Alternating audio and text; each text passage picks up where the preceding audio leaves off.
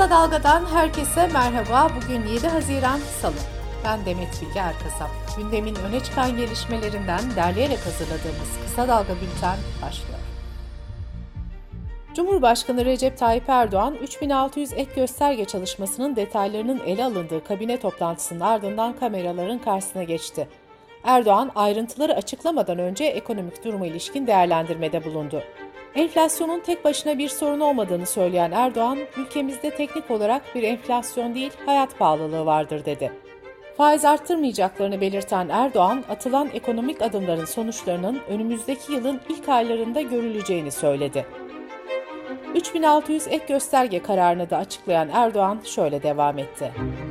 Şartlarımızı zorlama pahasına tüm memurlarımızın ek göstergelerinde 600 puanlık yükseltme kararı aldık. Ülkemizde 5.3 milyon kamu görevlimizin tamamı yılbaşından itibaren bu düzenlemeden yararlanacaktır. Yapılan artış emekli olan kamu görevlilerinin maaşlarına yansıtılacaktır. Cumhurbaşkanı kararıyla Türkiye'nin İstanbul Sözleşmesi'nden çekilmesi kararının iptali talebiyle açılan çok sayıda dava Danıştay 10. Dairesi'nde Haziran ayı boyunca esastan görülecek. Gazete Duvar'dan Müzeyyen Yüce'nin haberine göre bu davalardan 15'i bugün görülecek. 15 duruşma ise 14 Haziran'da yapılacak. Haziran ayı boyunca devam edecek duruşmalar 23 Haziran'da görülecek 12 davayla sona erecek. Türkiye'nin sözleşmeden çekilme kararına karşı açılan 10 dava 28 Nisan'da Danıştay 10. Dairesi'nde görülmüş, savcı fesih kararının iptalini istemişti. Kararın daha sonra açıklanacağı belirtilmişti. Ancak bir aylık yasal sürenin dolmasına rağmen kararını açıklamayan Danıştay'ın 7, 14 ve 23 Haziran'da yapacağı 3 ayrı duruşmanın ardından kararını açıklaması bekleniyor. Altı muhalefet partisinin temsilcileri seçim güvenliği için bugüne kadar 6 toplantı yapmıştı. Dün yapılan son toplantıda yol haritası netleştirildi. Yapılan ortak açıklamada milletimizin helal oylarıyla haramilerin düzenine son vereceğiz. Bunun için de vatandaşlarımızın bir tek oyunun dahi zayi olmasına müsaade etmeyeceğiz denildi.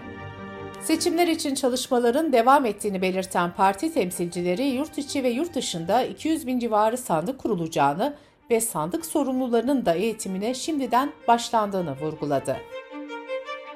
Anayasa Mahkemesi Millet İttifakı'nın isminde millet kelimesinin kullanılmaması için Millet Partisi tarafından yapılan başvuruyu reddetti. Türkiye Barolar Birliği Başkanı Eril Sakan, Yönetim Kurulu üyeleri Ercan Demir ile Erhan Toprak ve İstanbul Barosu Başkanı Mehmet Durakoğlu, Silivri cezaevine giderek Osman Kavala, Can Atalay, Tayfun Kahraman ve Ali Hakan Altınay ile görüştü. Sakan, gezi tutuklularının şu mesajını iletti.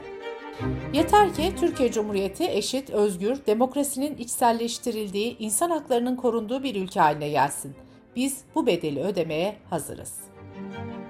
Gezi davasında müşteki olarak görülen Deva Partisi lideri Ali Babacan, savcılık da mahkemede duysun, şahsi mağduriyetim yok dedi. Gelecek Partisi Genel Başkanı Ahmet Davutoğlu da mahkemeye dilekçe vererek herhangi bir şikayet olmadığını belirtmişti. Gezi davasında tutuklanan avukat Can Atalay'ın babası Mustafa Atalay, Babacan'ın ve Davutoğlu'nun dava dosyasına biz bu gezi eylemlerinde makamımız ve ismimiz olarak hiçbir şekilde mağdur olmadık diye evrak koymalarını istemişti. İyi Parti milletvekili Aytun Çıray, Cumhurbaşkanı Erdoğan'ın gezi eylemlerine ilişkin camilerimiz yakıldı iddiasını meclis gündemine taşıdı. Çıray, Cumhurbaşkanı Yardımcısı Fuat Oktay'a yakılan camilerin hangi camiler olduğunu ve adres bilgilerini sordu. Cerrahpaşa Tıp Fakültesi yoğun bakım servisinde yatan bir hastanın yakını anestezi ve yoğun bakım asistanı Meryem Aslan'a şiddet uyguladı. Olayın ardından hastanede çalışan anestezi ve cerrahi asistanları iş bıraktı. Hastanede planlanan ameliyatların tümü acil vakalar dışında durduruldu.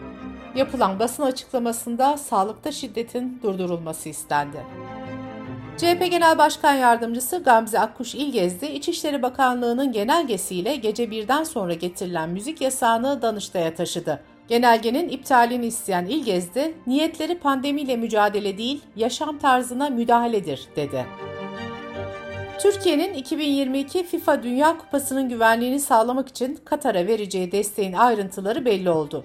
Katar'a 3000 çevik kuvvet personeli, 100 özel harekat polisi, 50 de bomba imha uzmanı gönderilecek.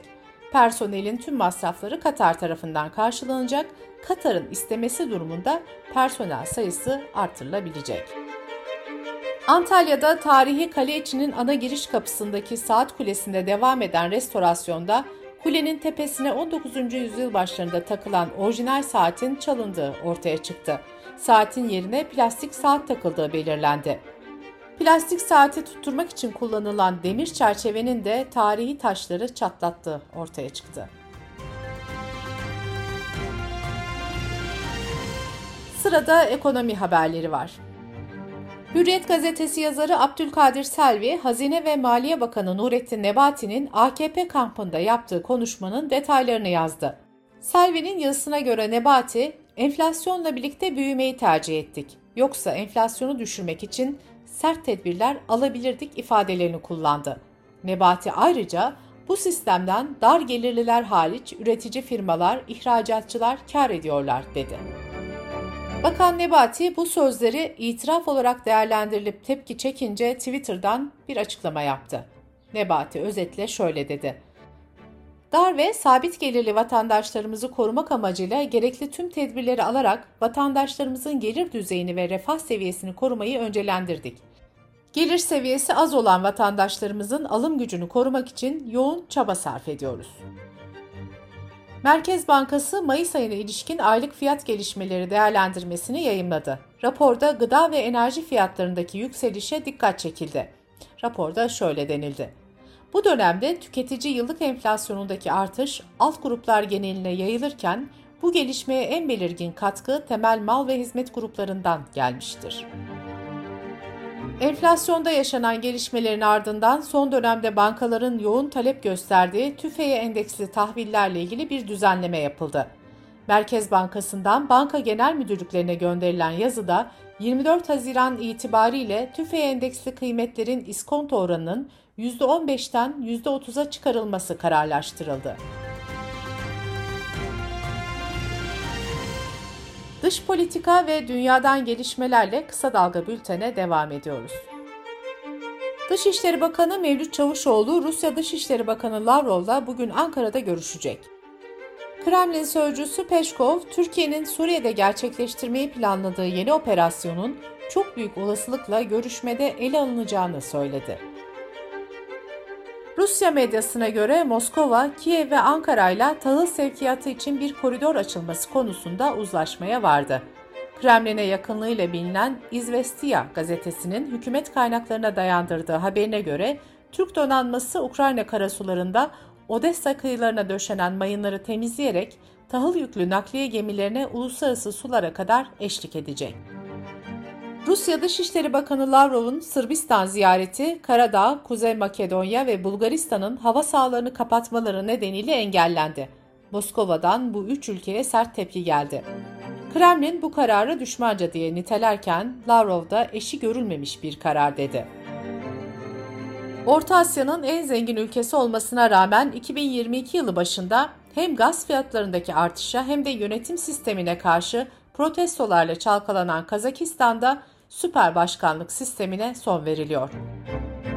Petrol zengini ülkede parlamentonun güçlendirilmesini öngören ve birçok kesim tarafından yüzeysel olarak eleştirilen anayasa değişiklikleri referanduma sunuldu. Ön sonuçlara göre katılım oranının %68'i geçtiği referandumda anayasa değişikliği %77 oranında oyla kabul edildi. İngiltere'de pandemi dönemindeki sıkı kapanma kuralları sırasında peş peşe parti verdiğinin ortaya çıkması sonrasında eleştirilerin hedefinde olan Başbakan Boris Johnson hakkında güvensizlik oylaması düzenlenecek. Johnson'ın lideri olduğu muhafazakar parti içinde güvensizlik oylaması için gereken 54 vekilin onayına ulaşıldı.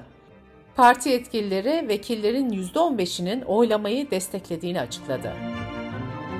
Dünya Sağlık Örgütü maymun çiçeği virüsü vakalarının bir haftada yaklaşık 3 kat arttığını açıkladı. Örgütün açıklamasına göre bazı vakaların temaslıları bulunamadı. Örgüt, virüsün başka ülkelere de yayılma riski konusunda uyarı yaptı. İngiltere'de 6 ay boyunca 3000'den fazla çalışanın haftada 4 gün çalışacağı pilot uygulama başlatıldı. Pilot uygulama kapsamında 70 şirketten 3300 çalışanın çalışma süreleri %20 oranında kısaltılırken maaşlarında herhangi bir değişikliğe gidilmeyecek. Haftada 4 gün çalışma denemesi kapsamında çalışanların refahı ve iş verimliliğinin yanı sıra uygulamanın çevre ve cinsiyet eşitliği üzerindeki etkileri ölçülecek.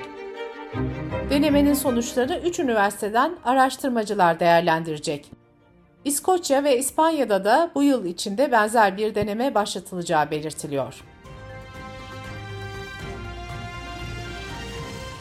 Bültenimizi kısa dalgadan bir öneriyle bitiriyoruz. Türkiye ekonomik olarak zor günlerden geçiyor. Bir yandan enflasyon baskısı artarken bir yandan da konut fiyatları, kiralar kontrolden çıkıyor. Enflasyon artarken servetini katlayanlar kim? Konut piyasasında neler olacak? Müftah Sağlam ekonomi sohbetlerinde bu soruları Gelecek Partisi'nin Ekonomi Politikaları Başkanı Kerim Rota ile konuşuyor. Müftah Sağlam'ın podcast'ini kısa dalga.net adresimizden ve podcast platformlarından dinleyebilirsiniz. Gözünüz kulağınız bizde olsun. Kısa Dalga Medya.